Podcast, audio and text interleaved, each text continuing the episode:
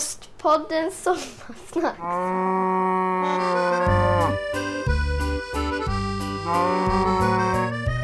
Det här är Ostpoddens Sommarsnacks och jag är Johan. Ja, Sveriges Radio har sina sommarprogram så jag tänker att eh, Ostpodden får ha sina sommarsnacks. Eh, ambitionen är att eh, med start idag, midsommardagen, Eh, släppa ett kort litet avsnitt varje dag så länge som sommaren pågår. Och det är väl så länge sommarprogrammen på radion pågår. Vis av skadan från när vi testade detta senast, 2019 tror jag det var, så tänker jag inte panta allt jag äger och har på att det blir ett avsnitt varje dag. Eh, det kan ju trots allt bli en bra konsert eller badväder som till och med jag känner för att ge mig ut i. Eller något annat eh, kul eller eh, akut man får göra en utryckning på. Men avsnitt ska det bli. Och vad kommer att hända i de här avsnitten då? Ja, givetvis en hel massa olika grejer. Men kort kommer det att bli varje gång. Så eh, du ska kunna tugga i dig det till eh, ja, det där glaset vatten som är bra att ta så många gånger på sommaren. Men kikar vi lite på vad jag har tänkt mig så blir det att vi ska prata om lite olika typer av ostar såklart. Kanske lite som trendar. Vi ska blicka framåt för vi har en eh, jättespännande höst framför oss. Sett med en ostgeeks ögon i alla fall. Men idag, på midsommardagen, då kan det ju vara så att eh, man är lite tröttare än vanligt. Lite törstigare än vanligt också. Personligen är jag mest eh, trött efter eh, ganska mycket nattsudd. Men eh, det man också brukar kunna vilja ha det är ju något eh, redigt att käka för att, att komma upp på benen igen. Och eh, ost spelar en viktig roll här så jag tänkte prata lite kort om eh,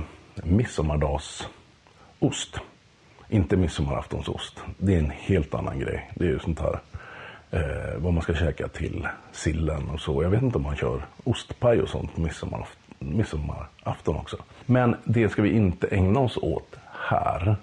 Utan jag har egentligen tre korta tips på bra ostkäk och käka för att, att Eh, få fart på livsgnistan igen efter midsommarafton.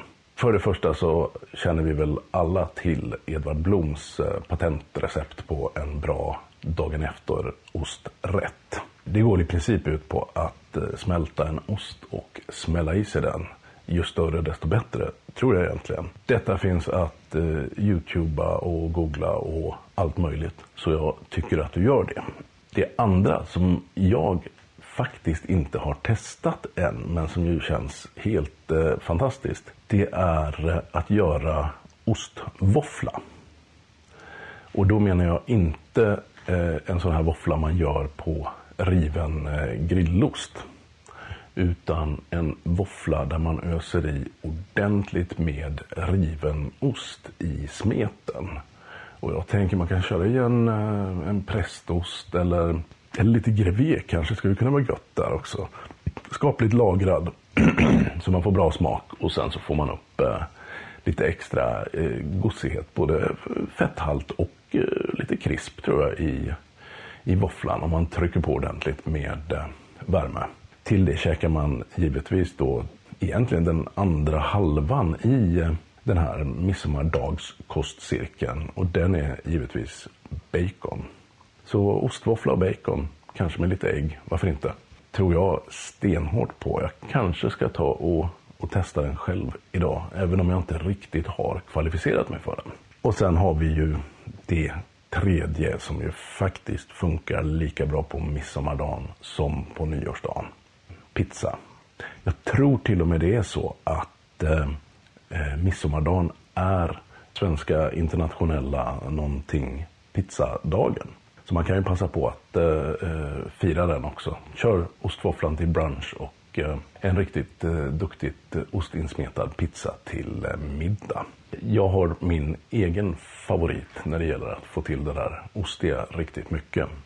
Och det är att eh, skippa nästan all annan topping och så kör man en eh, calzone med extra ost. Du vet den där inbakade pizzan som man liksom öppnar och så rinner osten ut. Och då tar man lite extra ost så blir det lite extra bra.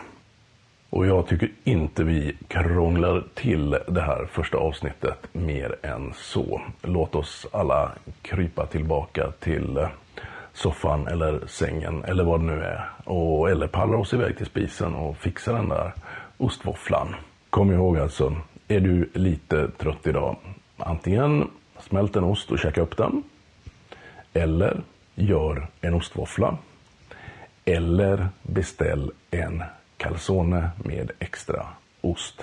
De tre grejerna kommer att eh, eh, göra livet lite gladare för dig. Följer du Ostpodden så blir jag jätteglad.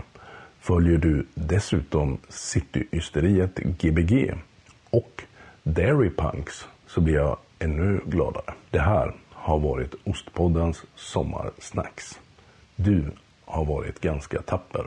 Tack så mycket för att du har lyssnat.